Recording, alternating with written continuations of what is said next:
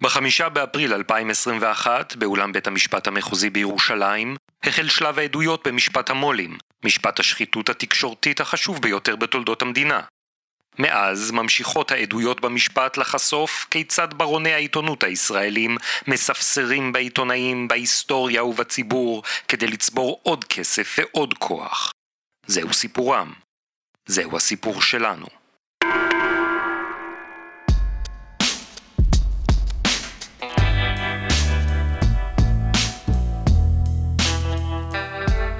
שלום שוקי טאוסי. שלום אורן פרסיקו. בום! מה, זה, זה, ספרת? בגלל זה פרק 70. זה פרק 70, לא, לא זה הבום. כל, יפה שזה, אתה עוקב זה אחרי לא העניינים. המתמטיים. לא, שני דברים זה- חשובים מאוד שני דברים חשובים? קרו השבוע. אוקיי. דבר ראשון, המשא ומתן הקואליציוני. העיתונות העצמאית מתאחדת. די, עוד פעם. די.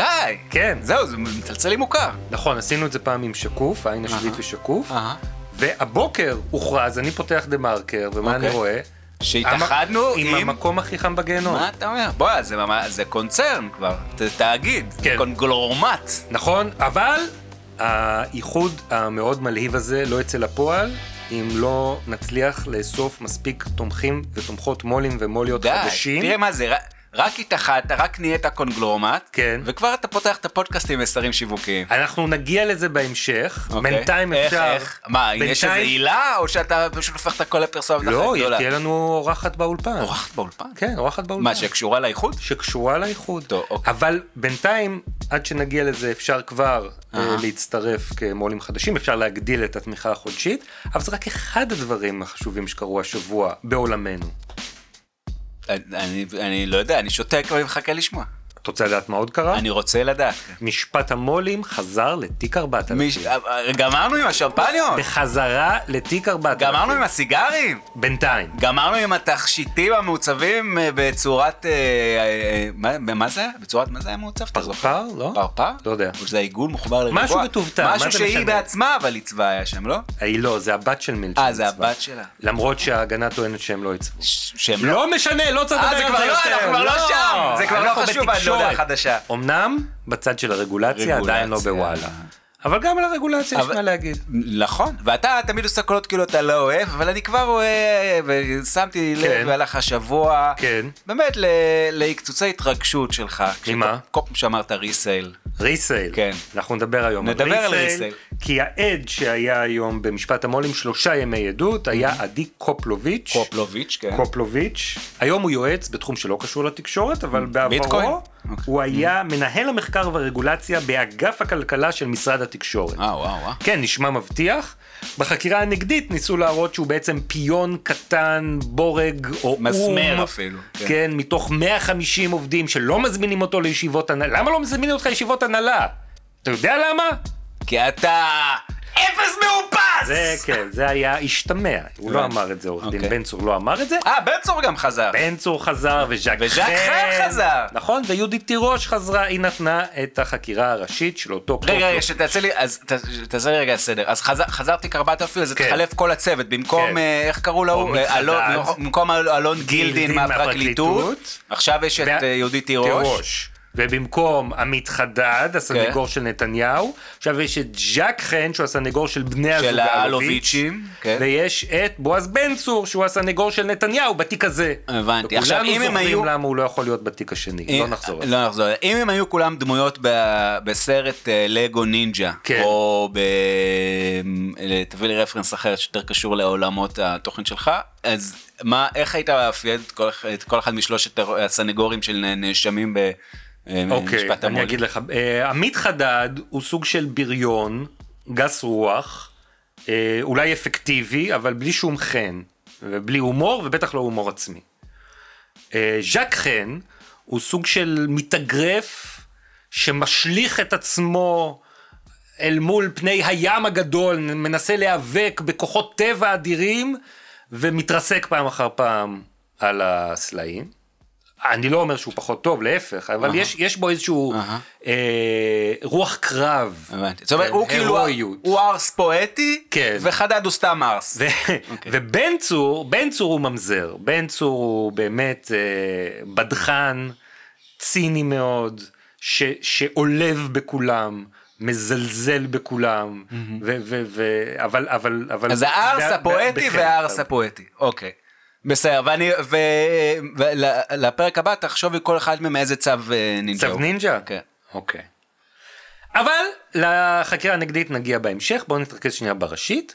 עדי קופלוביץ', אותו כלכלן ממדור המגף הכלכלה במשרד התקשורת, סיפר ליהודית תירוש איך עובדת רגולציה על חברות תקשורת, שזה בעצם הדבר שמשרד התקשורת אמור לעשות, כן. איך איך לפקח. עובד משרד התקשורת? איך הוא מפקח על החברות שהוא אמור לפקח עליהן? נגיד אתה צריך להוציא מסמך חדש, החלטה חדשה, מה אתה עושה? אז הוא שוטח בפני בית המשפט תהליך סדור וענייני של פנייה שאתה מקבל נניח מאיזושהי חברה ואז אתה עושה בדיקה ואז אתה יוצא לשטח ואתה מדבר גם עם כל יתר החברות. מקבל תגובות. אתה מסתכל קודם כל בחו"ל לראות מה עושים שם, אולי אפשר השוואה ללמוד מזה. בינלאומית. אתה בודק עם המנכ"ל או השר, יש להם איזה מדיניות או משהו שצריך שואל לבדוק. את הציבור. ואז אתה עושה שימוע ציבורי מסודר, מזמין את כולם, גם את החברות המתחרות וגם כל אחד מהציבור לתת באופן רשמי את העמדה שלו, אתה מטמיע את ההערות, אם צריך אתה משנה דברים בתוך המסמך, אתה עולה שוב למנכ"ל או השר, תלוי באיזה דרג צריך להחליט על ההחלטה הזאת, ושם יש עוד דיון בתוך המשרד, והם שומעים עוד צדדים, ואז אם צריך עושים עוד שימוע, שוב הולכים למנכ"ל או לשר, עושים fine-tuning אחרון, ואז נותנים את זה לחתימה של המנכ"ל או השר, מוציאים את זה לשוק, ושלום על ישראל. כן, זה, יודע, זה נורא מעניין, כי התיאור שתיארת עכשיו בקלות, היינו יכולים לעשות עליו עכשיו איזה מערכון. אה, אתה יודע, אפרים- קישון עשה מזה על קריירה. הבירוקרטיה הממשלתית, כן, איך שזה, ול- ולהשמיץ את זה, וזה, אבל... מנהל תקין. כן, זהו. זה נורא מעניין, הפ- הפער הזה, המקום הזה שבין בירוקרטיה לבין מינהל תקין, או אם ב- בין, בין אה, אה, מינהל תקין לבין אה, ה- אה, סחבת אה, אה, רשלנית ופושעת. ו, וזה מעניין כי ההגנה היא כל הזמן אה, שוכנת בתוך הפער הזה, היא כל הזמן מנצלת אותו ומנסה להסביר לנו גם ציבורית וגם משפטית שמה שפילבר עשה זה בעצם, זה גם, מה שהוא אמר בפועל לעובדים, הוא, הוא, מנסה לפשט תהליכים, בירוקרטיה זה דבר רקוב, זה דבר אה, מסואב, והוא כאן חותך את הקשר הגורדי באבחת חרב. אז צריך להגיד למה, למה הפרקליטות מבקשת מקופלוביץ' לתאר את התהליך התקין, כי פילבר עשה בדיוק את ההפך, פילבר נפגש באופן פרטי ובוואטסאפים מתכתב, ו... אה, כן, עם- אבל הוא עם כל מסביר הגורמים. שזה לא בגלל אה, שהוא מושחת, זה בגלל שהוא רצה להיות יעיל. כן. אבל זה נורא מעניין כי הדבר הזה זה, זה תפיסת עולם פוליטית, כאילו זה הרי אם עכשיו הממשלה שנבחרה, נכון, על איזה טיקט היא אה, נבחרה, על זה שמה שלא נפתר בכוח אפשר לפתור בעוד יותר כוח. כן. ש, שזה, שזה בדיוק העניין הזה, הוא אומר, יש, יש איזה בעיה עם אה, תשתיות, תשתיות התקשורת, כן. אז אה, אה, יש איזשהו הליך אה, מסודר שהוא לוקח המון זמן, בואו נפת, נעשה את זה ביום, נפתור את זה ביום. כן. אז, אז אה, איך, במקרה שלנו, ניתן לחברות כל מה שהן אה, רוצות ולא נעשה, לא נעשה שום שינוי. זה כאילו, אבל, אבל זה אמ, מעניין- אגב איך זה ילך מול, ה... פלסטינים? מול הפלסטינים, כן. טוב, תחיה ונראה. לא, כי תחשוב, אם היינו שמים את פילבר עכשיו, אם בן גביר יביא את פילבר, כן, לפתור את הסכסוך. כן. הוא היום הולך... הוא יושב עם, יא- עם, אה, איך קוראים לו, אבו מאזן, וסוגר צטלה. סוגר צטלה. כן, טה טה טה טה, וזה, לדעתי, תוך אה, שבוע יש לנו כאן אה, שתי מדינות ועוד כתב אישום. אני חושב שזו שאלה עם מי היית רוצה, זאת אומרת יש כאן שני רבדים, רובד אחד עם מי היית רוצה לצאת לשתות בירה בערב, עם פילבר או עם עדי קופלוביץ', או בוא נגיד אם הוא לא חבר שלך, רק כאילו בשביל לשמוע סיפורים מצחיקים. אוקיי, נראה לי שפילבר יותר מצחיק, אוקיי. אבל זאת לא אמורה להיות אבל אם היית רוצה המידה- מישהו שיטפל לך ב- בחשבון. כן, בדיוק. שיטפל לך, ב- ב- ב- שהיה רואה חשבון שלך. כן, היה קופלוביץ' הוא האיש בשבילך.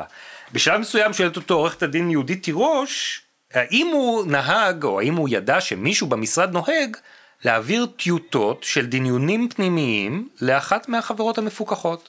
והוא אומר שלא, והיא שואלת אותו למה לא, והוא אומר זה, שזה מצחיק צריך לשאול למה לא. אבל צריך כן. להסביר. אוקיי. הוא אומר שזה לא שוויוני כלפי המתחרות, זה נותן יתרון אה, לחברה שמקבלת את זה, על פני החברות האחרות. כל החלטה על חברה אחת משליכה על האחרת. הוא אומר גם עוד דבר מאוד מעניין, כל ההחלטות שלנו בסוף הולכות לבג"ץ, ההחלטות המשמעותיות, הן עומדות לאיזשהו שיפוט משפטי. גם אם זה לא הופך לעתירה, החברה מסתכלת האם אפשר להפוך את זה לעתירה. אם החברה המפוקחת יודעת על הדיונים הפנימיים במשרד ועל התנגדויות פנימיות, היא מנצלת את זה כדי לתקוף אותנו אחרי זה בזירה המשפטית. אגב, מנהל תקין, באיזשהו שלב עולה סוגיה של מה שיעור ההנחה שבזק תיתן לחברות המתחרות כשהן משתמשות בתשתית שלה. בזק רצתה כמה שיותר נמוך, 10 אחוזים, 12 אחוז, ובמשרד התקשורת היו קולות שאמרו אולי 30 אחוז. אז שואלת עורכת הדין יהודית תירוש את קופלוביץ', מה, למה לא חתכתם באמצע? למה לא אמרתם 20 אחוז? אז הוא אומר לה, זה לא שוק, אנחנו לא יכולים לחתוך באמצע.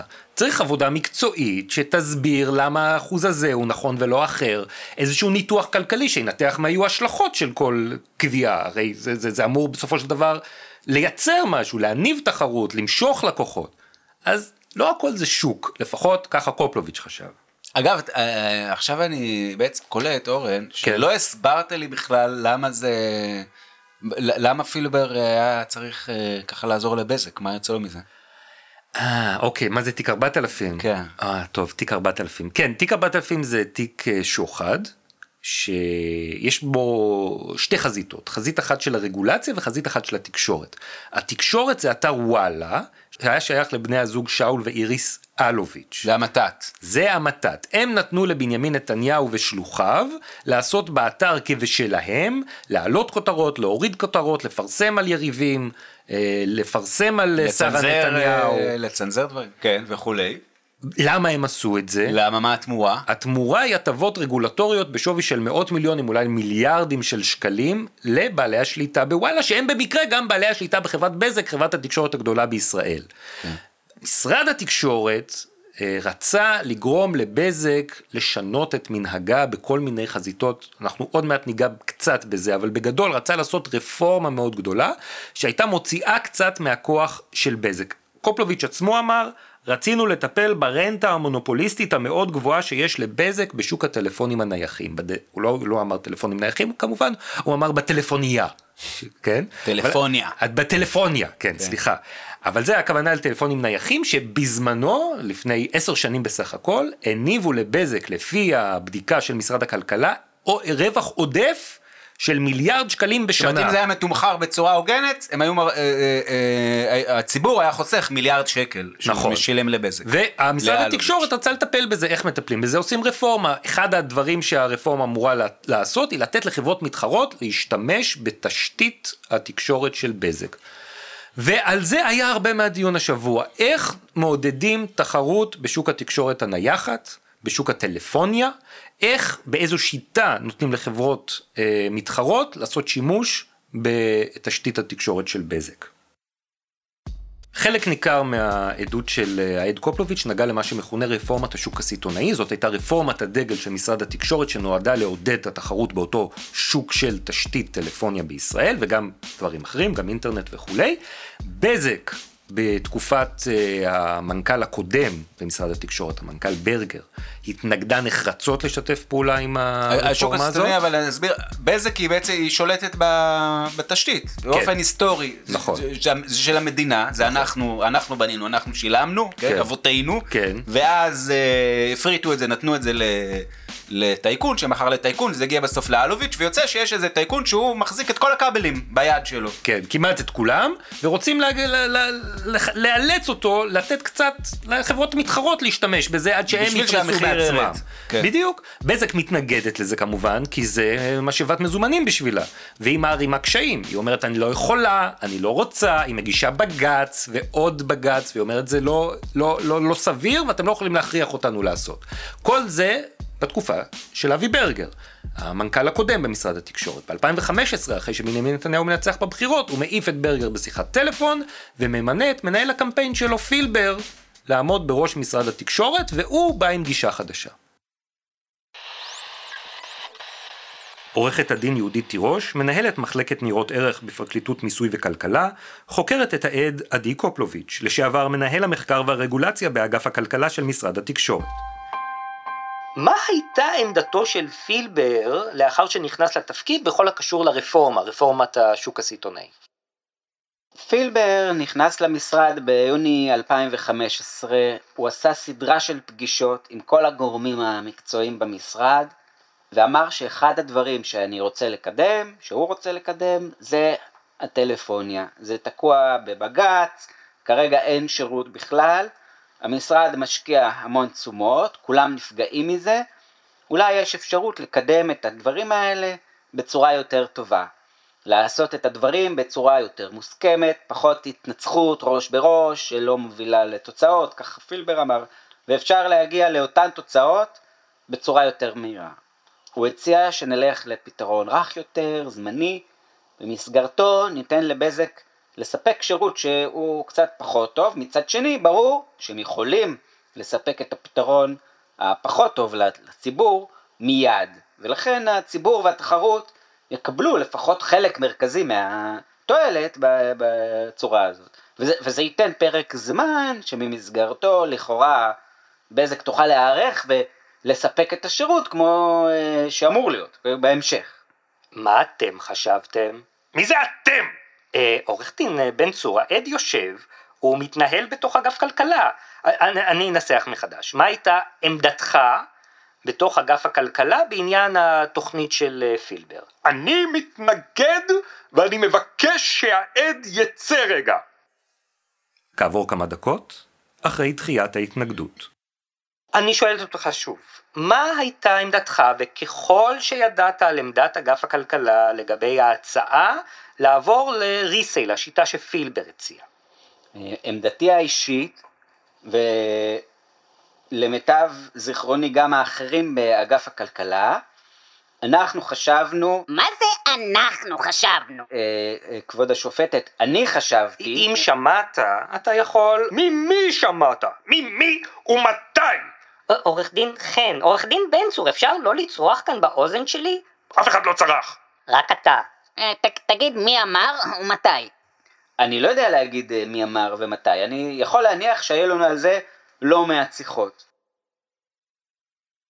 בוא נעצור שנייה את הרצף של החקירה כדי להתמקד במשהו שאולי שמת לב אליו כן. שאי אפשר להבין כאן כלום, יש בליל של צעקות, מי זה? כל כך הרבה אנשים מדברים, זה לא אמור להיות חקירה שיש עד ו- ו- וחוקרת שחוקרת אותו? אני מאוד התגעגעתי להתנגדויות של עורך הדין חן אוקיי. ועורך הדין בן צור. אהה. חודשים ארוכים שמעתי את ההתנגדויות של עורך הדין עמית חדד, ואין מה להשוות. ההתנגדויות מה? של עורך דין חן ושל עורך דין בן צור, הם בכמה רמות יותר מעניינות ומצחיקות. מההתנגדויות של עמית חדד. גם עמית חדד, אהה. כשאומרים לו להפסיק להתנגד הוא ממשיך. אהה. וכשהשופטת אומרת די סיימנו הוא ממשיך, הוא מתעלם. כלומר, אהה. במובן הפשוט של החוצפה והחוסר כבוד למרות של בית המשפט, הם דומים. אבל הלהט והטרמינולוגיה, הלקסיקון הנהדר שיש לכל אחד משני עורכי הדין האלה, אה, אה, חן ובן צור בפה, זה באמת תענוג, תענוג לשמוע, ולאורך כל החקירה הראשית, הם פעם אחרי פעם התנגדו בנאומים ענקיים שהשופטת מנסה להבין על מה הם מתנגדים, ואז בסוף הם אומרים, ובדרך כלל היא דוחה את זה. אבל הנאומים האלה, זאת ליטיגציה, אתה מבין? בשביל זה שווה להיכנס קרקס. למקצוע. זאת, אתה אוהב קרקס. כן. אוקיי. עורכי הדין ז'ק חן ובועז בן צור, באי כוח הנאשמים במשפט המו"לים, מתנגדים. כבודכם, העד הוא אדם מוכשר, כן, אין ספק, מצטרף למשרד התקשורת באמצע 2014, ועכשיו אנחנו צריכים ללמוד ממנו על דרך התנהלות המשרד? זה לא רלוונטי לאירוע שלנו בשלב שבו הוא היה במשרד. הוא מעיד על אירועים כשהוא בוותק של שנה במשרד התקשורת, בדרג מאוד זוטר, בלי ניסיון קודם. עורך דין חן, על, על מה ההתנגדות? העד הזה הוא לא עד מומחה. העדות שלו כשאנחנו נמצאים אחרי כברת דרך במשפט צריכה להיות ממוקדת. מה הטענה, עורך דין חן, שזה לא רלוונטי? כן. הוא נותן תמ- תמונת רקע. כבודך, אני מזכיר שהיה פה פילבר, והייתה פה הגברת נויפלד, והיה פה מר ברגר. עורך דין בן צור, זה שהיו עדים אחרים זו לא עילה להתנגדות. כבר היו עדים מדרגה יותר גבוהה מאשר עד שהגיע מספר חודשים לפני מינויו של פילבר. נתון מספר 2, שהופך את זה לקצת יותר עגום, יש עדים בכירים יותר שעוד יגיעו, שמילה ולבאות, הדיקן, היועצת שהייתה עם פילבר. עורך דין בן צור, העילה להתנגדות הייתה הרלוונטיות. זה שיש עדים אחרים... העד זה... לא רלוונטי במובן זה שהעד לא יכול להעיד על התנהלות במשרד התקשורת. הוא יכול להעיד בעצמו, על עצמו, הוא לא יכול לתת חוות דעת. זו לא חוות דעת. זו לא חוות דעת באמת. מה שהוא רואה, הוא יכול להגיד. אנחנו בתחילת הדיון, בסדר, סבלנות. אבל זה לא ייגמר לעולם! זו הבעיה, כבודכם. אני שומע את בית המשפט, אבל שהעד יתייחס לטריטוריה המצומצמת שלו בזמן המצומצם שלו. הוא יכול להתייחס למה שהוא יודע. בעולמו הצר. אבל כמה זמן נצטרך לעמוד עכשיו בחקירה נגדית על אותה נקודה עורך דין אזוטרית? חן, כמה זמן? שמענו. אבל כמה זמן? עורך דין חן, שמענו את ההתנגדות, אנחנו דוחים אותה. נשמע את העד. אנחנו הולכים למחוזות שצריך לחקור עליהם בחקירה נגדית, זה מוסיף לנו המון עבודה, זמן שיפוטי. אפשר די. אני לא רוצה שיגבילו אותי אחר כך בחקירה נגדית עם הוראות הפעלה מעיתון מסוים לבית המשפט לקצץ אותנו. איזה הוראות הפעלה? אני מכיר את הוראות ההפעלה לצוות הסנגוריה, כבוד השופטת. עורך דין חן, לא, אי אפשר. אבל יש לי התנגדות. אי אפשר, אנחנו חצי מהדיון באמירות, בהס- בהסברים. זה לא באשמתנו. עורך דין חן, כרגע אין התנגדות, העד יענה מה שהוא יענה, וכך עומדים הדברים. אני מקבל בהכנעה את עמדת בית המשפט. אני רק מבקש בניסיון אחרון לומר לגברתי... עורך דין חן, עורך דין חן, עורך דין חן, לא, אבל- התשובה היא לא. אבל- צריך לאפשר לשמוע את העדות. אנחנו רוצים לאפשר, אבל אין גבול ואין שיעור. הכל נפרץ פה. מה נפרץ? העד מעיד. אני מבקשת מבית המשפט לשמור על העד מהצרחות של חברים. הצרחות הן לא כלפי העד. אני לא צריכה שישמרו עליי, אני אומרת בכנות. אמרתי בבוקר לחבריי שהיום הם יתחילו לחקור חקירה נגדית, אבל אנחנו נמצאים עכשיו רק באמצע החקירה הראשית, כי באמת, אם צריך להתנגד, להתנגד, אבל יש גם כל הזמן הערות. התנגדויות! זה לא התנגדויות. חצי זה לא התנגדויות. החצי האחר כי זה לא חקירה ראשית. מה לעשות שזה לא חקירה ראשית? אתם יכולים אולי לשמור על שקט ולתת לחקירה להתנהל בלי הערות? תכתבו לכם אותם אם אתם לא יכולים להתאפק. המחברת לא תספיק. נקנה לכם יומן. טוב, חיברנו פה כמה... זינג! זינג! כן. עקיצה! השופטת אה, פרינון פלמן מציעה לז'ק חן, לעורך דין ז'ק חן, שתקנה לו יומן. It's a zinger! אבל אנחנו איחדנו פה כמה קטעים משלבים שונים של החקירה הראשית, של ההתנגדויות של הסנגורים, אבל זה באמת היה לאורך כל היום ככה.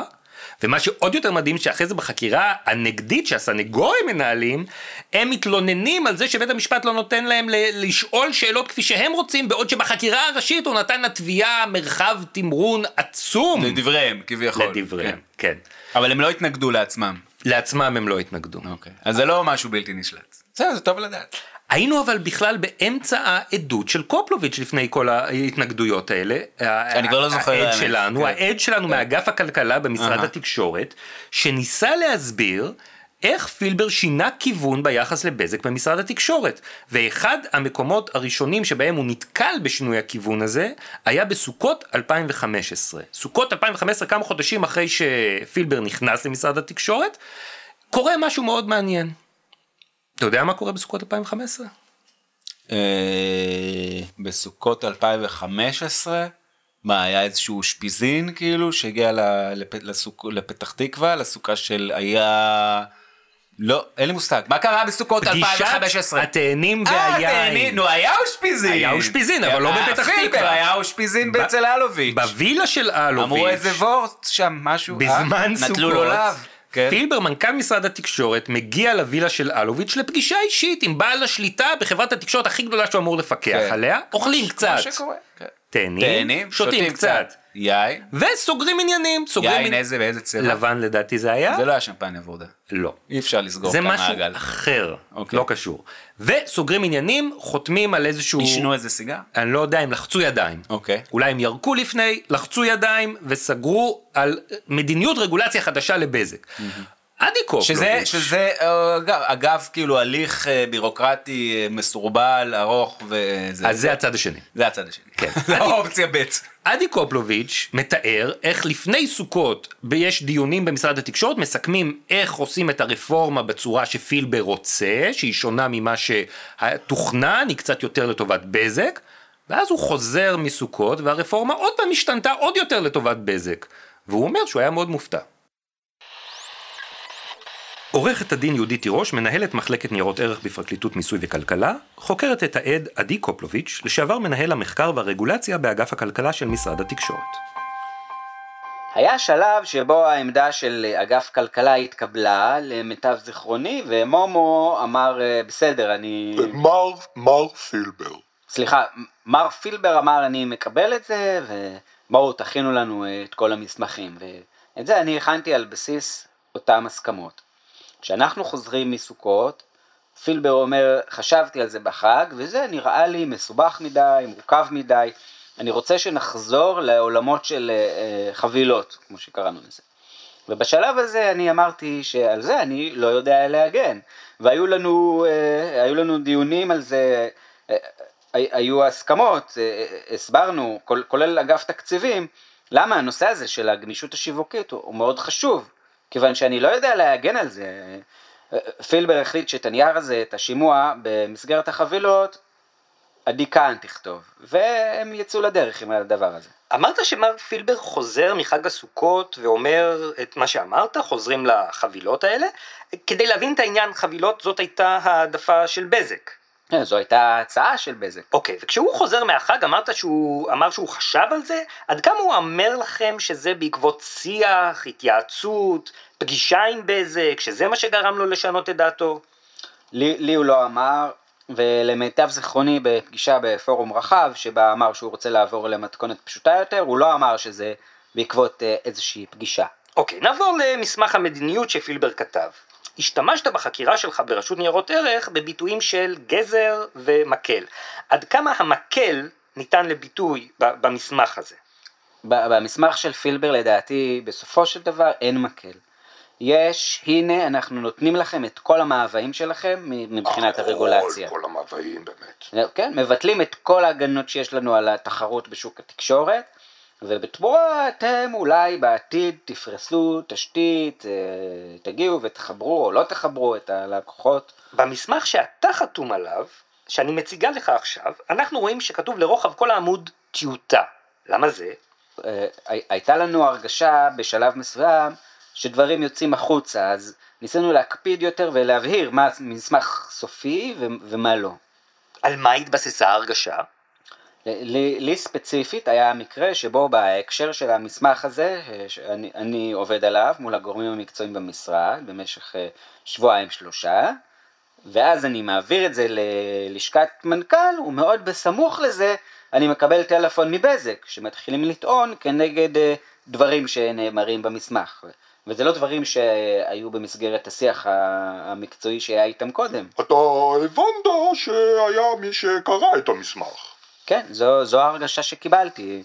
באותה תקופה גם אה, יצאו הרבה מאוד דברים לתקשורת, היו הרבה מאוד הדלפות, ו, ולכן אז כשזה קרה לא יכולתי לפסול את האפשרות שהם אה, קיבלו מידע מהתקשורת. אבל אני רק כן זוכר שפניתי לעדי כהן, העוזרת המקצועית של פילבר, ואמרתי לה, זה מוזר, שנייה אחרי שאני שולח לכם הם מתקשרים אליי.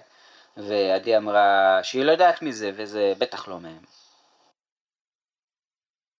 בסך הכל העדות הראשית של אה, קופלוביץ' תמכה בתזה המרכזית של הפרקליטות, הוא ראה מסמך אחרי מסמך שפילבר העביר לסטלה הנדלר מנכ"לית בזק ואמר אני לא ידעתי שמעבירים את זה, אני לא מכיר מסמך שמעבירים. פנימי של משרד התקשורת. מסמך פנימי מסמך של רגולציה. משרד התקשורת, כן.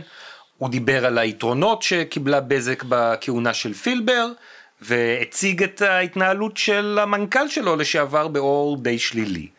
אה, בחקירה הנגדית, שנמשכה יומיים, ללא ללא התנגדויות, עם עם התנגדויות? התנגדויות, היו גם התנגדויות בחקירה הנגדית, אבל הטמפרמנט קצת שונה.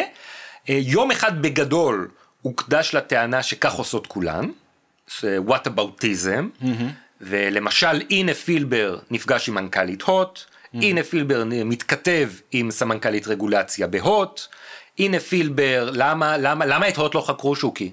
למה את הוט לא חקרו? מה אתה שואל? אז אנחנו יודעים את התשובה. כי זה חונטה, תפורים. חונטה כן. של הפרקליטות, כן, שהם עובדים עם הוט ועם אה, סלקום והם לא, נגד לא. בזק. לא, הם אה, עובדים עם פרטנר. אה, עם פרטנר, סליחה. הם, הם לא חקרו את הוט כי כחלון אחותו עבדה בהוט אה. והם היו, הם היו בקשר עם כחלון. אתה, אתה לא מעודכן.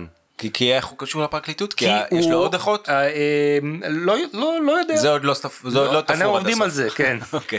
בכל מקרה, יום שלם של למה לא... אה, אה, למה, לא חקרתם את לא האחרים? והאם גם ההתנהלות הזאת פסולה בעיניך? בסופו של דבר, אחרי שקופלוביץ' עומד על ההבדלים הגדולים בין ההתנהלות שהוצגה לו, הוא לא יודע הרי, בין ההתנהלות שהוצגה לו של פילבר מול בזק, הישירה, לבין מה זה לא ההתנהלות... יודע? הוא כן יודע, הוא לא, ראה בעצמו. אבל את הדברים הישירים בין פילבר לבזק הוא לא ידע, רק מה שמתגלה בחומרי החקירה. אוקיי. אז מראים לו את היחסים הישירים בין אה, פילבר לבזק, ואז מראים לו את היחסים הישירים בין פילבר למנכ"לית הוט וסמנכ"לית רגולציה בהוט. לאורך רוב היום הוא עומד על ההבדלים שבכל זאת יש, מה הוא עשה מול בזק, מה הוא עשה מול הוט. מקרים מסוימים הוא אומר, אם זה באמת בהקשר שאתה מציג לי, אם זה באמת כפי שזה נראה מהמסמך הזה, מהתכתובת הזאת, אז זה פסול בעיניי. זאת, זה היה פסגת ההישגים של יום ההגנה הזה. למחרת, ההגנה, וזה בעיקר עורך דין ז'ק חן, בן צור רק אה, לקראת סוף היום השני עלה לתת את השפיל שלו. אה, ההגנה אה, בנתה, עורך דין ז'ק חן, בנה מגדלים אדירים. מסוטטים להפליא של קלפים שהתמוטטו בסופו של דבר. אה, אחד מהם היה על אותו אה, אירוע בסוכות. אתה יודע, אירוע בסוכות. שהם מכינים איזשהו מסמך מדיניות מול בזק ויוצאים לחופשה, כשחוזרים מהחופשה הכל משתנה. כן, זה לא מסמך מדיניות, זה איזושהי החלטה על מעבר ועל שימוש בטכנולוגיה של ריסייל. הם רצו לעשות, ה- הרעיון המקורי היה לעשות CPS, מה שנקרא Carrier Free Selection, והם עברו לעשות ריסייל, אוקיי?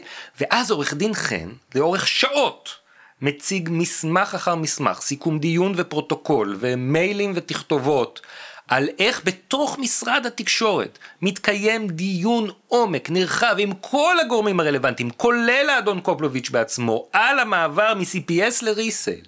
אז, והעד מאשר לו, כן דיברנו על זה פה, כן דיברנו על זה פה, כן דיברנו על זה פה, כן דיברנו על זה פה, ואז הוא מגיע לסוכות, ואומר, הנה, זה שלושה שבועות לפני סוכות, אתם מסכמים על זה, איך אתה יכול להגיד אחרי סוכות שהמעבר לריסל הפתיע אותך?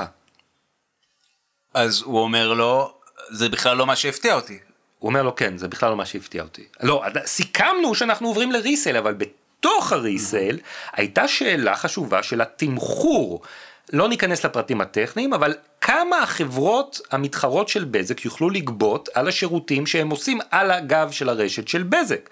וזה מאוד מהותי. אנחנו חשבנו על שיטת תמחור אחת, וסיכמנו עליה שהיא קצת לרעת בזק, וחוזרים מסוכות, ופתאום פילבר אומר לא, עוברים לשיטת החבילות, כן, אותה שיטה שבזק רצתה לקדם, וזה מה שהפתיע אותי. אז זה, אז זה איש קש, כאילו, כן. אה, אה, אה, ז'אק חן מסמן, מה- איש קש מסמן משהו לא נכון, שכאילו, זה הדבר שהפתיע אותו, ואז מוכיח שזה לא נכון. נכון, אה, אבל זה לא מה שהפתיע אבל אותו. אבל הוא, הוא לא נפל בפח. בשלב הזה השופט אה, משה ברעם, שהוא כבר אפשר להגיד די באופן קונסיסטנטי, אה, מקשה בעל, מאוד על בעל העדים, גישה סנגוריאלית. מקשה מאוד על העדים של הפרקליטות, אומר לעד אה, קופלוביץ', טוב זה לא שינוי מדיניות, אם אתה משנה את התמחור בריסל, אם זה כן חבילות או לא חבילות.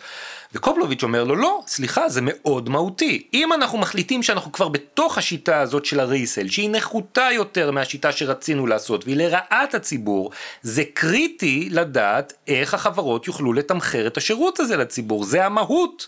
זה המהות של השירות שאנחנו מסתכלים לציבור, זה, זה המהות של יצירת התחרות. כמה הם יוכלו לגבות על זה. ומה המגדל השני?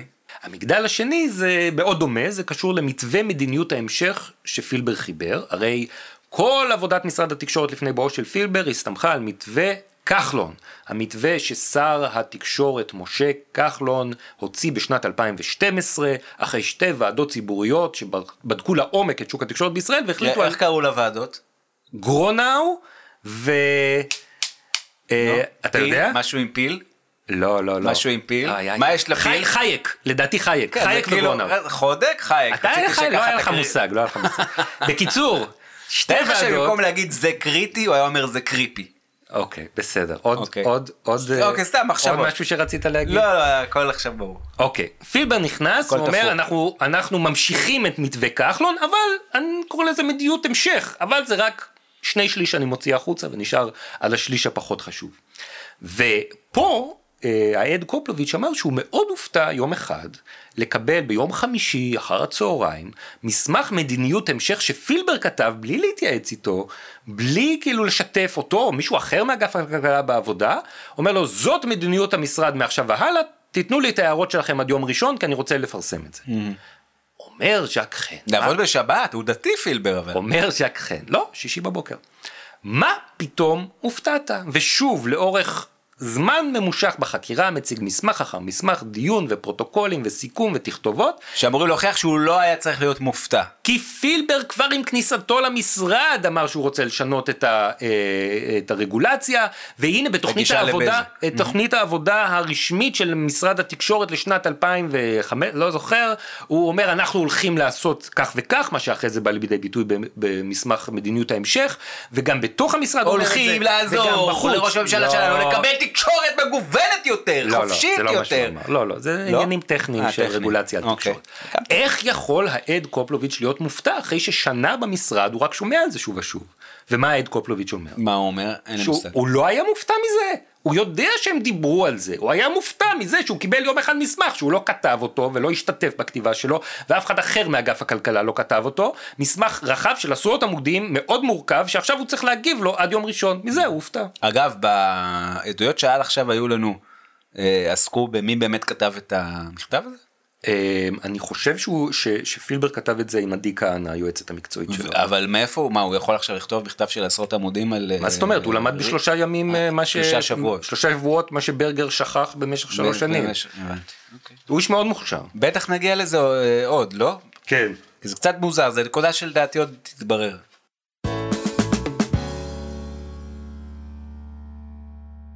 אורן, יש לנו אה, אורחת. כן. אורחת מפתיעה באולפן. באולפן פודקאסט ב- משפט כן. המולים. בזמן שלא הסתכלת, התגנבה לכאן אה, אורחת. רויטל חובל. רויטל חובל, כן. מהמקום הכי חם בגיהנום. כן, ולכן כשאמרת... תחת הנהלה חדשה. תחת הנהלה חדשה, ולכן כשאמרתי אורחת, כן. זה היה אה, יופימיזם? איך קוראים לזה? למה? לא, אני לא יודע מה זה יופימיזם. כן. אבל זה זה היה לא נכון. למה? כי, כי היא לא אורחת, היא, היא, היא, היא תושבת קבע.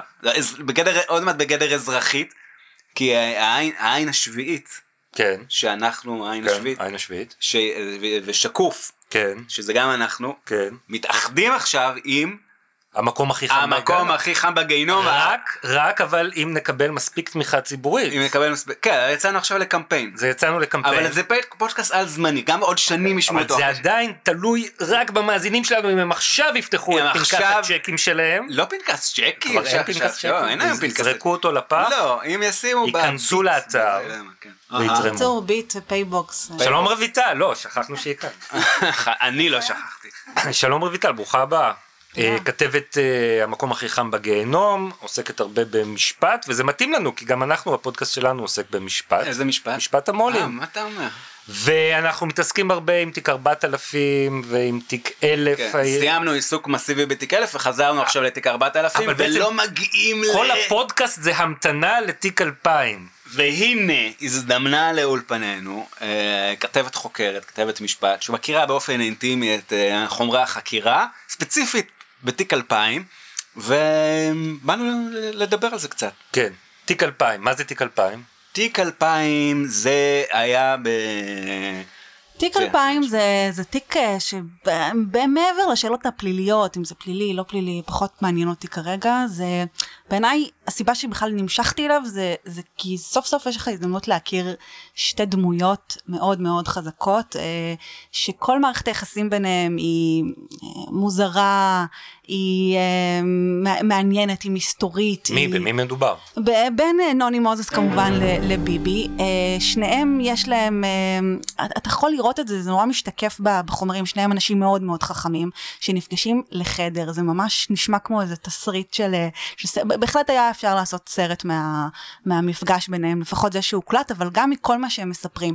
יש שם את כל החומרים שמהם אה, עשוי סרט טוב, אה, גם אה, הרבה מאוד חשדנות, גם הרבה מאוד אה, אה, מסתורין ו, ואינטרסים וכסף אז נזכיר- וחוסר אמון. נזכיר למי שלא בקיא, שהאישום בתיק 2000, אישום אה, של אה, הצעת שוחד מצד נוני מוזס, שהציע לנתניהו, אתה תפעל לקדם חוק שיפגע במתחרש לישראל היום, ואני בתמורה אסיט את הספינה, אשנה את הסיקור שלך, של בני המשפחה שלך, אעשה מה שצריך כדי שתישאר ראש ממשלה, ונתניהו מואשם כאן במרמה והפרת אמונים. נכון. אבל מה שאותי עניין בסיפור הזה, כי יש לי קושי הרבה פעמים, גם בתור עורכת דין אגב, והייתי קודם, זאת אומרת עשיתי את ההכשרה בעריכת דין הרבה, אחרי הרבה שנים בעיתונות, זה שלפעמים המשפט אה, אוהב לקחת כל מיני סיטואציות מהחיים ואיכשהו להכניס אותם תחת כותרות אה, מאוד אה, מסורבלות ומכובסות. והסיפור פה הוא סיפור דרמטי, אנושי, כמובן שאנחנו מת, מתכנסים פה לא רק לרגע לאיחוד, אלא רג, לרגע לזה שיש פה משפט פלילי, כי אכן אין ספק שיש פה, יש פה בעיניי לפחות אה, אישום פלילי מובהק ו, וצריך להיות גם אה, הרשעה, אבל בסוף יש פה אה, שני אנשים, מערכת יחסים מאוד מאוד עוינת במשך שנים, סופר מתוחכמים שנפגשים. עוינת במשך שנים, אבל גם עם שיתופי פעולה במשך נכון, שנים. נכון, זה, מה ש, זה מה שגילינו. ש... בעצם היה אפשר לראות את זה, מי שעוקב אחרי השערים והעיתונים, אה, יכול היה לראות שהיו פעמים אה, שבהחלט ראית, כמו למשל מערכת הבחירות הנוכחית, ראינו את זה בשער של אה, יום לפני יום הבחירות, פתאום אה, הטרמינולוגיה והסיפור של אה, אה, שיעור הפיגועים ו- וההחלטה בכלל לבחור ולשים כותרת כזאת בשער שהיא מאוד מטיבה עם נתניהו ולא משנה כל, ה, אה, כל הפוסט שהיה אחרי זה יכולת לראות הרבה פעמים מתי נוני מוזס אה, רוצה אה, לפרגן לראש הממשלה, לנתניהו כשהוא היה ראש ממשלה ומתי לא ומתי הוא סוגר חשבונות עם מי. זה מאוד מאוד מובהק. אתה יכולת לראות גם את הפירות של שיתוף, שיתופי פעולה ואינטרסים וכל מיני חברים שלו. זה, זה היה ממש על דפי העיתונים. אבל ההבדל הוא שבתיק 2000 יש לך הקלטה יש לך הקלטה שהיא אה, חומר, היא חומר נפץ והיא, והיא גם חומר נפץ והיא גם אה, אה, משהו שהוא כל כך נדיר. קוראים לזה בשפה המשפטית ראיית זהב אבל אצלנו זה אני חושבת שברמה הכי בסיסית אנושית זה פשוט כל כך מסקרן להיכנס לחדר מתי יש לך הזדמנות להיכנס לחדר בין שני אנשים ולשמוע שיחה בין שני האנשים הכל כך אה, חכמים האלה למרות זאת, משום מה, פרשנים משפטיים נכבדים אומרים שתיק 2000 הוא דווקא חלש מבין התיקים. שתיק 1000 הוא מובהק, תיק הטובות הנאה, שתיק 4000 אולי לא שוחד, אבל כן מרמה והפרת אמונים. ותיק 2000 גם בהסדר טיעון שכמעט נחתם זה אמרו לבטל אותו בכלל וגם אני קורא פרשנים שאומרים שכן זה לא פלילי למה אומרים מזה זה פלילי זה דווקא פה יש את ההקלטה של, של לכאורה הצעת השוחד. תראה, קודם כל אה, מעניין אותי אם אתה יכול להגיד אה, מי אומר את זה? כן, אני לא זוכר, זה איזשהו רושם כללי שקיבלתי אוקיי. משיטוט בטוויטר. כן, אוקיי. אה, אז יש לי הרגשה שמי שאומר את זה הוא אה, מישהו שגם יש לו אינטרס. אה, בדרך כלל זה אנשים שמפרסמים בידיעות, או איכשהו קרובים לנוני מוזס, אנשים שרוצים ליהנות מהפרה החולבת הזאת, כי בסופו של דבר אה, אנחנו יודעים שיש הרבה עיתונאים, גם בכלי תקשורת אחרים, שהם לא עובדים אה, ביום יום, ועדיין איכשהו מוצאים להם שם אה, איזושהי... במה. נדב אייל. נכון, ואפילו אפילו פרסמתי גם משהו על חנוך דאום, ש, ש, שאומנם הוא ספיח והוא לא באמת, אבל גם נקרא לו איש תקשורת או דמות אישיות ציבורית כלשהי, שהוא גם יש לו טור שם, ו, וגם הוא משפיע באמצעות הטור הזה, ו, וגם הוא אה, ידיו בכל, הוא היה גם ברשת, ואיכשהו, והוא מקורב למקור ראשון ולש- ושלדון, והוא, והוא יודע הכל. ואני מניחה שנוני מוזס לא בחר בו סתם, לצערי עיתונאים הם אה, הרבה פעמים כמו שאר בני האדם, יכולתי לחשוב ש... יכולתי לצפות, אני זוכרת שכשהייתי יותר צעירה ציפיתי שהם יהיו איזה עילאים ונשגבים ומשהו שהוא הרבה יותר אה, מוסרי ו... ואתי, אבל לצערי הם פשוט כמו כולם, ויש ויש, ויש כאלה שהם אה, הרבה יותר חנפנים.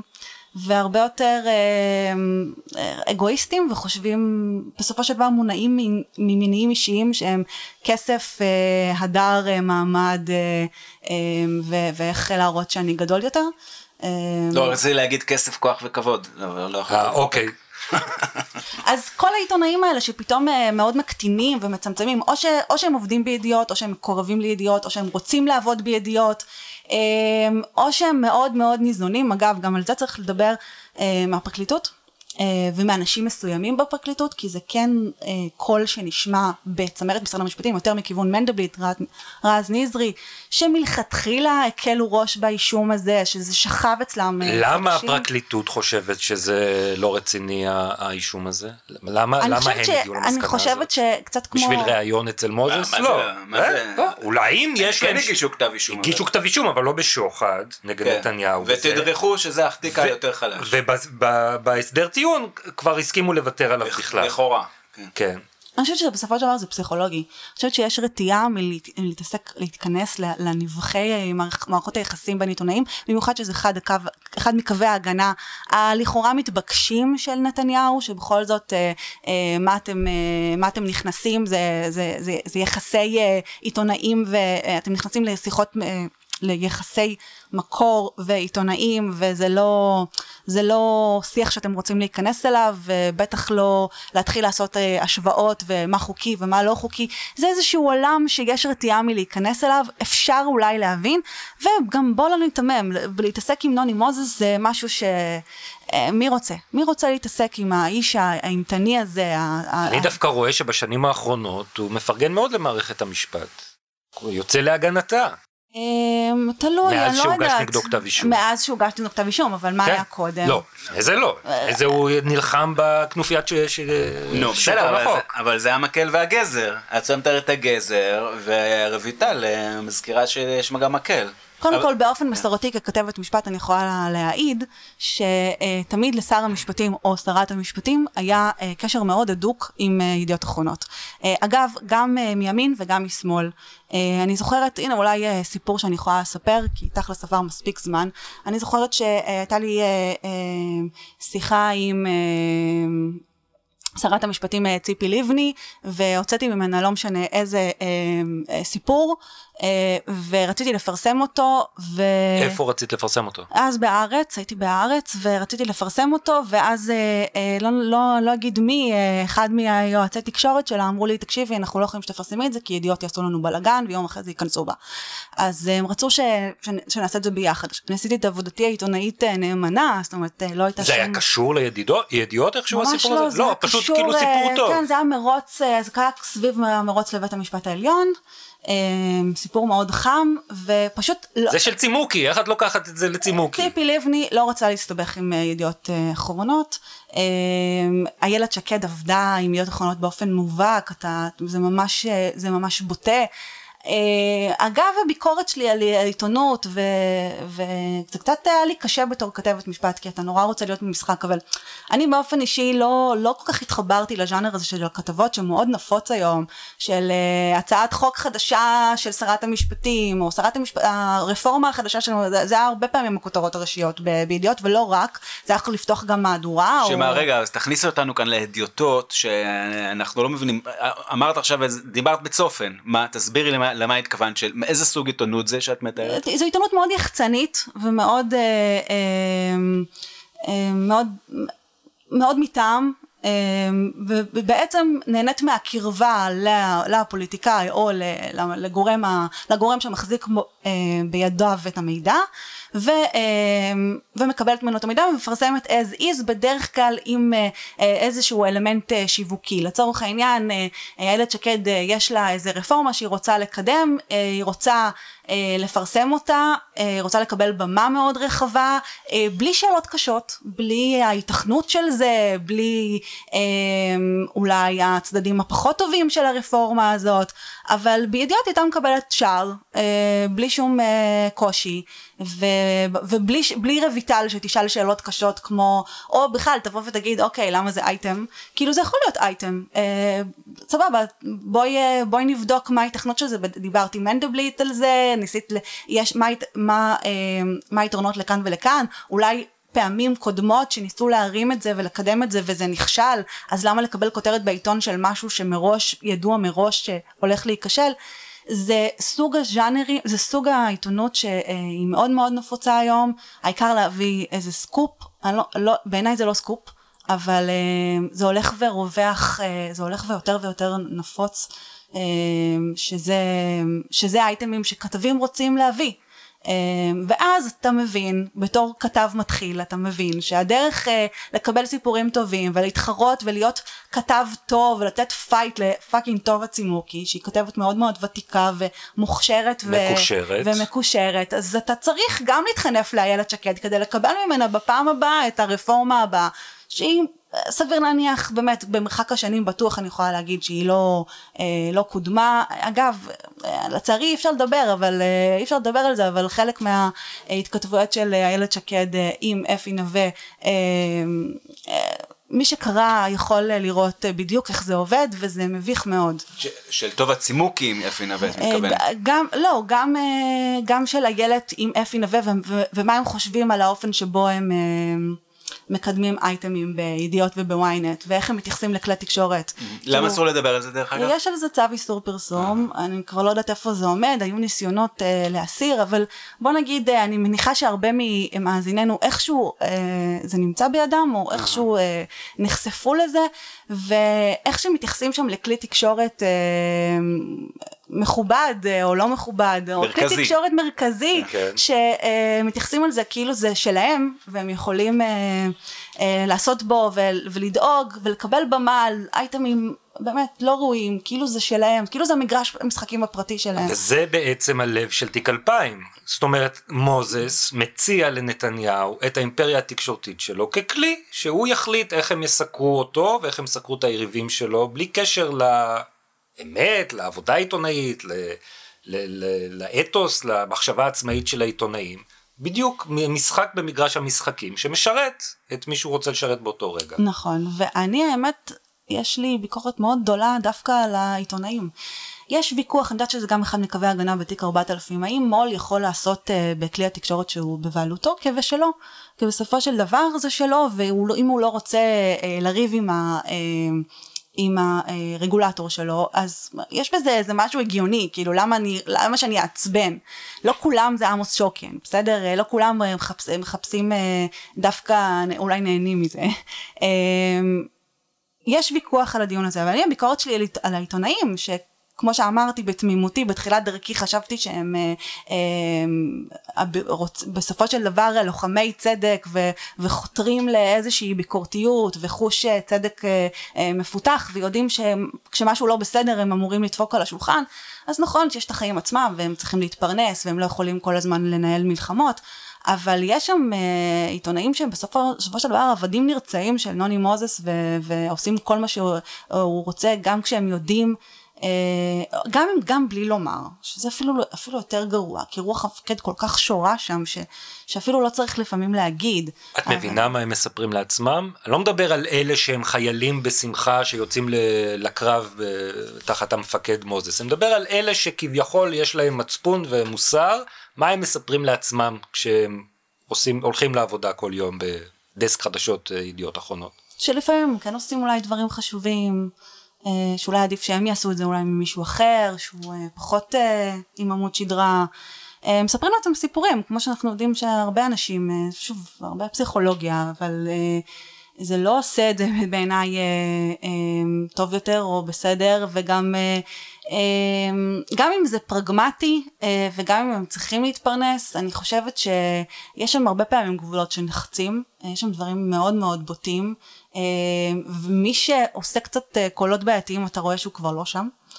אה, היום אני חושבת שבכלל אה, קשה להבחין כבר מה, מה לא, אין שם עיתונות אה, קלאסית, כאילו, אם היה פעם איזושהי, איזשהו לפחות תמהיל, שהיה את הדברים שזה, אבל היה בכל זאת כתבות מגזין, או אה, תחקירים כבר שנים אין, אבל אה, לפחות דברים שהם יותר אה, חשובים, אה, או פחות אה, ממניעים זרים, אז זה כבר הולך ו- ומתמעט, ולא יודעת, בעיניי אה, לעבוד בידיעות אחרונות זה לא גאווה, כאילו מי ש...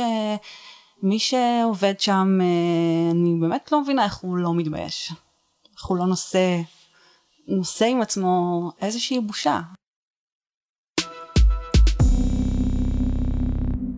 מתוך, החומר, מתוך חומרי החקירה של uh, תיק 2000, נכון? שבהם אה, זה החומרים שאמרת שאת יותר בקי- בקיאה. כן, שצללתי להם, כי הם כן. באמת סקרנו אותי. אז בוא, אז תני, מה, מה, מה, איזה תמונה של, אה, לא יודעת, אה, תרחיבי את הסקופ כמה שאת רוצה, של ידיעות אחרונות, של התקשורת הישראלית, של אה, מצב העיתונות, כאילו מה, מה, אה, מה העולם שבכל זאת, זה כאילו הדברים הכי פנימיים של אה, המו"ל הכי חזק בישראל, או שהיה הכי חזק בישראל. כן, אפשר לדבר על זה שעות, באמת. נוני כמובן מצטייר כאדם אה, סופר חכם, אה, שכן הגיע אה, מבוהל ו, אה, לח, לחדר החקירות, אבל הוא כל הזמן בודק את החוקרים, הוא כל הזמן בודק מה הם יודעים, מה הם לא יודעים, והוא אה, מנתח ומו, ומוביל את, ה, את החקירה ממש, אתה רואה, אתה, אתה פשוט רואה שהוא בן אדם מאוד חכם. אתה רואה איך הוא אה, עקב בצד אגודל, אה, עונה רק מה שהוא חייב, לא מנדב, כן מנהל סמולטוק מדי פעם, כאילו הוא כן, אה, הוא כן אנושי, הוא מדבר על הבת שלו, על משחקי טניס, על, אה, על זה שהוא היה אה, כבר לפני כמה ש... אה, לפני כמה שנים בחקירה הקודמת היה שם ואז הם התנהגו אליו ככה או אחרת. אה, אתה רואה אה, איך הוא מאוד מאוד חשוב לו להתנער מהתדמית ש, אה, שנדבק, שדבקה בו, של התמנון, של זה שידו בכל, זה שביבי מייחס לו כוחות אה, אה, בקרבה לפוליטיקאים מסוימים, שהוא יכול אה, לנתב את ה- באמת ספינות אה, לכאן ולכאן, אתה רואה שהוא מאוד מאוד מתנער מה, מהדימוי הזה. באמת, קשה לי, אה, קשה לי להסביר כמה אה, הוא מרשים. אה, ודווקא, מרשים במובן המניפולטיבי, לא במובן החיובי, זה גם צריך לומר. אה, וכמה צריך חוקרים מאוד מאוד מאוד מיומנים וחכמים שמכירים את האיש ועשו עבודה רצינית לפני כן, כדי לעמוד ולפצח איש כזה. לצערי, אני לא התרשמתי שזה המצב. נכון, אה, זה, באופן זה, כללי, זה די בולט יכולה להגיד... שלא לא מבינים את ה... הם לא מבינים תקשורת, הם נכון? גם לא מבינים הפרקליטות תקשורת, וגם המשטרה. הם גם לא מבינים אה, את נוני ואת מערכת היחסים, וגם אתה רואה שהם פונים לעיתונאים ושואלים אותם, הכל מאוד מאוד ממוקד ליום הזה שהכתבה על בנט עלתה, אה, והאם, אה, ומה היה לפני ומה היה אחרי, ואיזה כותרת, וכאילו אין, אין קונטקסט. אה, ובאופן כללי אני יכולה להגיד שגם אחד מהעיתונאים היותר בכירים שזומנו לחקירה שם גם אמר לי את זה, כאילו הוא אמר לי זה, זה, לא, זה לא כוחות, זה פשוט לא כוחות, המשטרה, אה, נוני יכול להערים על המשטרה בקלות. אה, והמשטרה לא מספיק מבינה במטריה ומאוד מאוד התמקדה בביטויים מאוד מאוד ספציפיים שעלו מתוך השיחה, אה, אם זה אה, אה, סיפור כחלון או סיפור נפתלי בנט, כל מיני אויבים, אה, אני ככה אסביר לידיעות, כל מיני אויבים של, אה, של נתניהו, שנתניהו אה, איכשהו הביע איזושהי ביקורת על הסיקור היותר אה, רך או אה, חיובי שניתן להם אה, על דפי, על, בקבוצת ידיעות, זה גם אה, לא ואז רק נוני ידיעות, זה, רצה זה להראות. שהנה אני, כך הנה, לפי כן. ההשערה של החוקרים, אתה רצית להראות לביבי שאתה מצליח להזיז את הספינה, ואז דאגת לפרסם ידיעה כזו או אחרת על בנט או על מישהו נגד. אחר. הנה משהו על נגד, חשבון הבית, בדיוק. אני מראה לך על חשבון בדיוק, הבית, עוד ו- לפני הסיכום שהסיכום בינינו היה כחלק מבשיל. מהמשא ומתן המושחת ביניכם, אמרת הנה אתה רואה את הידיעה הזאת, זה אני דאגתי כן. ואז רואים יהיה." שהשוטרים בחקירות ו- ואחרי זה בפרקליטות ובכתב האישום וגם גם בחקירות בבית משפט אתה רואה את זה שהם כל הזמן נתפסים כאילו באמת חושבים כמו משפטנים או כמו, הם, הם נתפסים לדבר הקונקרטי שאפשר לזה ו- ומפספסים את, ה, את היער נכון. כאילו את, את מערכת היחסים את, את מערכת השליטה א- א- איך נכון. נוני באמת עובד. זה נכון, לא, נכון, ואתה אומר, אה, אורן, אתה אומר, אה, אה, אני דאגתי לזה, זה בדיוק העניין, שנוני מספיק מתוחכם כדי לא להגיד, אני דאגתי לזה, הוא, הוא פשוט מפנה ל- לעמוד, ועכשיו מה נוני מסביר על זה? בסדר, הפניתי לעמוד, כי במקרה היה לי קל, כי ראיתי את זה, ואמרתי, אוקיי, קל לי, אני יכול להשתמש בזה, עכשיו זה קו הגנה אה, מושלם, מושלם, כאילו מה, עכשיו, אה, יכול להיות שזה גם נכון, אני, אני לא יודעת, אה, סביר להניח שלא.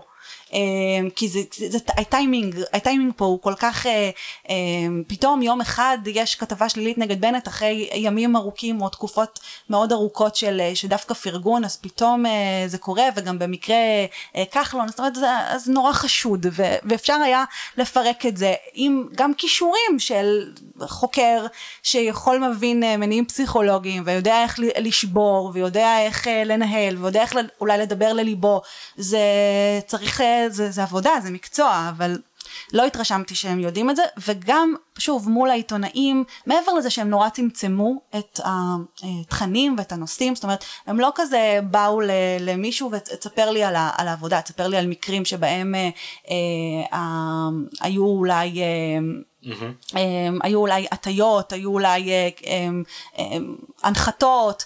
עכשיו יכול להיות, זאת אומרת כמשפטנית גם אני יודעת להגיד, שיגידו אוקיי אני לא עכשיו באה וחוקר את כל מערכת היחסים, את כל ידיעות אחרונות, את כל המפעל הזה, אין לי משאבים לזה, אני גם בכל זאת צריך uh, איזשהו חשד סביר לפ, לפלילים, אני יכולה להבין את זה, אבל היה שם.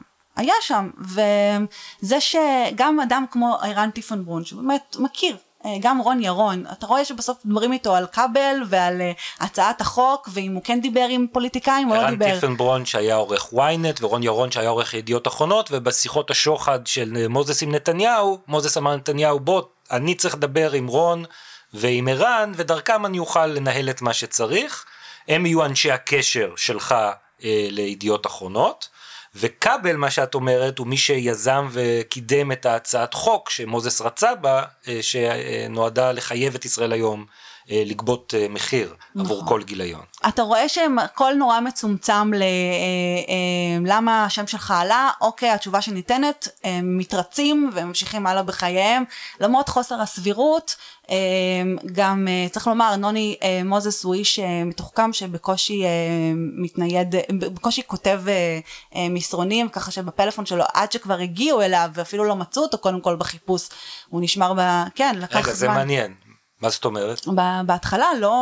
הוא- היה צו חיפוש למכשיר של נוני, היה צו חיפוש כן. כן. בבית, ולא לא הגיעו ל... היה לו עוד פלאפון.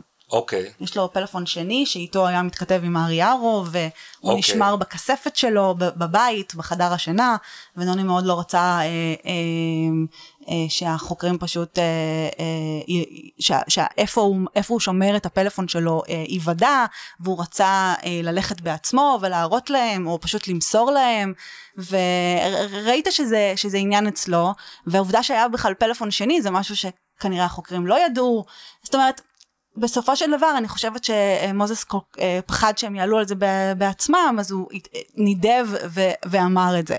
אה, אבל הנה זו דוגמה לחוסר הידע והרצינות של החוקרים. כאילו אין בן אדם כמו יוני מוזס אתה לא יוצא לחקור אותו אתה לא יוצא לפרוץ בלי שאתה לא בלי שאתה יודע על אה, כמה הוא ישן בלילה ו, ו, ומה ועם מי הוא מדבר בטלפון ואם הוא מדבר כל כך מעט סביר להניח שזה חשוד ואולי יש פלאפון שני ואולי הוא מדבר בטלפון בזק כפי שאגב הוא עושה הוא מדבר בטלפון בזק של הבית שלו או במי שמתקשרת מידיעות אחרונות זה המזכירה שלו ומנהלת איתו את השיחות.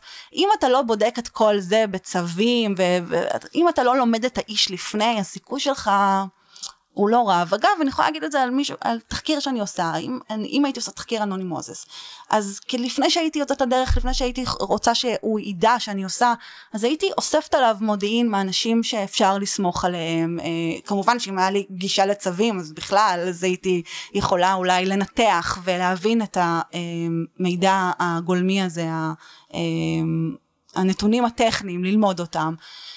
אז מעבר לחוסר מקצועיות uh, של, ה, של המשטרה, גם ה... Uh, לא יודעת, לא הרגשתי שהם באמת רוצים לפצח את זה, אולי באמת זה רוח המפקד, אולי זה מנדלבליט שבסופו של דבר uh, איכשהו דגר על הקלטות האלה במשך חודשים ומאוד הסתייג מהעיסוק בנושא, ו, וזה עבר הלאה לחוקרים, כולם היו מאוד ספקנים. Uh, החקירה עצמה לא הניבה הרבה, כאילו בסופו של דבר נשארנו עם הקלטת, כאילו... וה, וה, כן הכתבה וכן הביטויים המוחשים והפיזיים, כאילו, זה לא, אין פה, בסופו של דבר, העדים שהגיעו לשפוך אור, בין אם זה רון ירון ובין אם זה אה, רן טיפנברון ובין אם זה העיתונאים עצמם בוויינט, אה, אה, גם לא זומנו כל כך הרבה. הם, הם, לא, הם לא שפכו אור, לא, קשה לומר שאנחנו יודעים אולי יותר חוץ מההקלטה הזאת בסופו של דבר, שהיא ההישג הגדול.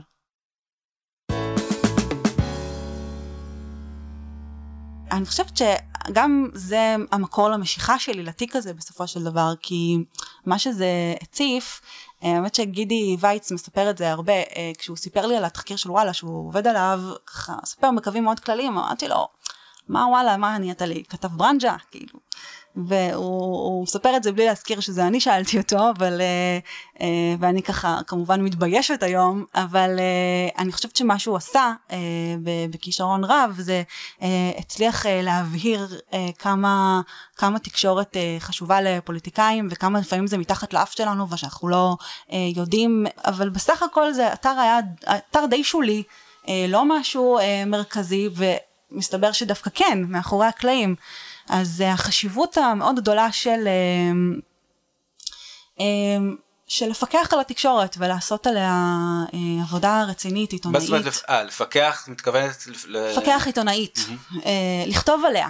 אה, לכתוב על אה, עיתונאים, אה, לכתוב על אייטמים לא ראויים, לכתוב על עוולות, יש איזו תפיסה כאילו שאנחנו קולגות, אז זה לא, לא, לא, לא נעים, לא מקובל. לא קולגיאלי. זה לא קולגיאלי. מה, זה אחלה רעיון, אולי נקים אתר. נקים אתר. כן, שבזה הוא מתעסק. מה, שאיך נקרא לזה? כן, אני יודע, הרשות הרביעית. הרשות הרביעית? הרביעית?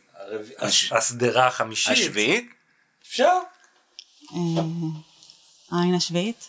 לא, זה לא יעבוד. זה לא, זה שם, הוא לא מתגלגל על הלשון. זה ניו אייג' כן, כן, מה, יש איזה... חנות תכשיטים. העין השלישית, כן. זה אתם, זה שנטי כזה. בדיוק. בקיצור, מה אתם אה, מדברים על בודה? אנחנו מייבאים לונגים, אנחנו עושים כל מיני דברים. או אה, דוקו הודי. יש טיקות? זה, זה תנאי קבלה? זה תנאי יציאה מאולפן פודקאסט משפט המו"לים, מקבלים, מקבלים תיקה. תיקה. כן, אבל באמת, ביקורת על התקשורת. נכון, אבל אם אתם כמובן הייתם שם ועושים את זה גם היום אה, באופן מאוד אה, שיטתי, אתם, אני אפשר להגיד אנחנו.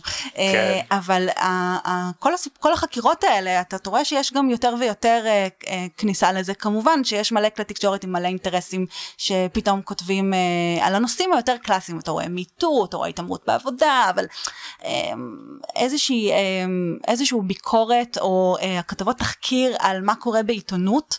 אה, בסופו של דבר זה רק לעיתונות עצמאית. אה, כולם מפחדים, או באמת מטעמי, מטעמים קולגיאליים, עכשיו זה קצת יותר אה, נפוץ, אבל עדיין יש דברים שהם לא פליליים והם מאוד בעייתיים ועליהם לא מדברים, בין אם זה לא לקחת תגובה או אייטם שהוא נולד מתוך תחרות וידיעה מוקדמת שהערוץ המתחרה הולך לפרסם משהו אז בוא נתקע לו כי הוא לא נתן לנו וכל מיני מניעים מאוד מאוד זרים ופסולים אה, שבסופו של דבר נועדו לשרת רק את האגו של העיתונאים אה, ואתה רואה גם את החיבור של עיתונאים להון. זאת אומרת אם פעם התייחסנו לזה באיזשהו שאט נפש לזה שזה בסדר שדן מרגלית הולך אה, אוכל ארוחות ערב עם אולמרט אני חושבת שזה פסול אבל כל, ה, כל המעין המין המפורסמות הזה שאנחנו מכירים על, אה, על זה שבן כספית אולי מיודד עם זה ולכן זה ברור שהוא קיבל את כל המידע אנחנו יודעים על גדעון סער שהוא מקורב לכל מיני עיתונאים שאנחנו קוראים את הטורים שלהם אז אנחנו אוקיי אז זה מגדעון וזה מזה ו, וסימה קדמון אה, אפשר לקרוא ב... אבל בת... זה הברנז'ה יודעת. הציבור הרחב פחות ער לזה אולי בשנים האחרונות יותר עם הרשתות החברתיות אבל עדיין עדיין הרוב פחות ער, וכאן נכנסת החשיבות של uh, הדלקת הזרקור, ש, שיאיר את הקשרים הפסולים. שוב, אין לי, אין, לי, אין לי בעיה עם קשרים אה, חברתיים, uh, כל עוד הם בסופו של דבר אתה לא, אתה לא מאתרג, אתה לא מגן על מישהו, uh, ו, וארוחות ערב בשישי והפמיליארית הזאת היא, היא, היא, היא כן נראית לי חוצת קווים. ברגע שאתה מזוהה כבר, כאילו אתה מקורב, אז שוב, אם זה עמדה, אם זה אג'נדה, לצורך העניין, אה, אה, אני הייתי מאוד אה, ביקורתית כלפי הפרקליטות, אז כאילו, אז היו, היו, ידעו את זה וידעו שאני לא אשב לקפה עם שי ניצן, אבל אני כן אשב לקפה עם הילה גרסטל שביקרה את הפרקליטות, אז זה בסדר, אבל שוב, צריך לעשות פה איזשהו, איזושהי הבחנה בין מערכת יחסים שהיא כבר פוגעת בעבודה העיתונאית שלך, שבסופו של דבר אתה עיתונאי וזה זהות, זה לא אה, עבודה, אה, זה לא פרנסה רק, נקרא לזה כך. אז זה מחזיר אותנו לאיכות, זה שזה לא פרנסה, מחזיר אותנו. לגמרי. מחזיר אותנו ל- ל- לאיחוד הגדול בעיתונות העצמאית. בום. כן, אז, אז אנחנו, אה, אז אנחנו נסיים בלהזכיר את חשיבותה של ביקורת התקשורת, כן. ונסיים בקריאה למאזינות ולמאזינים שלנו, כן. לסור לרשת האינטרנט הקרובה לביתכם ולהצטרף אלינו לאיחוד אה, כמה אפשר העין לתרום? השביעית שקוף המקום אחרי. אה, אני- כמה שיותר. לא, ממש לא, יש לא, הגבלה. יש הגבלה של מותר, אלף, נכון? מותר עד אלף שקל בחודש, מן הסתם, אפשר גם הרבה פחות כמובן. אה, זה בגלל שאנחנו אנחנו לא רוצים שיהיה לנו איזה טייקון, איזה מישהו, איזה תורם אחד לא שיבוא רוצים ואז... גם את התלות. בדיוק, לא רוצים את התלות. אפשר גם חמישה שקלים? אפשר גם חמישה שקלים. אפשר גם, אה, אני עדיין באסכולה שאומרת, אפשר גם להירשם לניוזלטר ולקרוא אותנו, זה גם אה, עושה לנו, לא, זה סתם, גם עושה סתם. לנו חם בלב. גם עושה לנו חם אבל, אבל אז זה לא מספיק אה, כדי שהאיחוד יקרה, זאת אומרת עכשיו אנחנו קודם כל צריכים שהאיחוד יקרה, נכון. אה, ולכן אנחנו צריכים את התמיכה שלכם שצריכה לבוא לידי ביטוי גם בכסף. תודה רבה, ותודה לך רויטל שהצטרפת אלינו, ואנחנו מחכים שתחזרי מחופשת הלידה שלך ונתחיל לעבוד כן, במרץ. הבאתם אותי לפה מ... כן, הגענו ישר מחדר החופשות. בקרוב, בקרוב אשוב. תודה רויטל. שלום ולהתראות.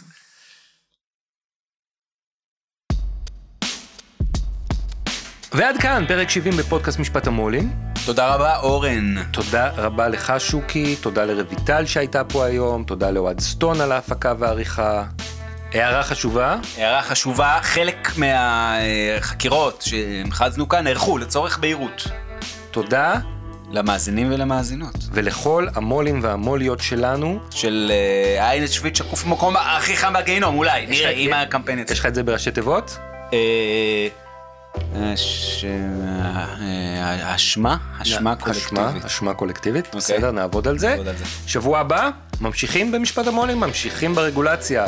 תיק אה, 4000. ריסייל. ריס, רי, פרי סייל. ריטייל כן, מינוס. יש משהו כזה, כמו סוליטר, לא? ניפגש בשבוע הבא. יאללה ביי.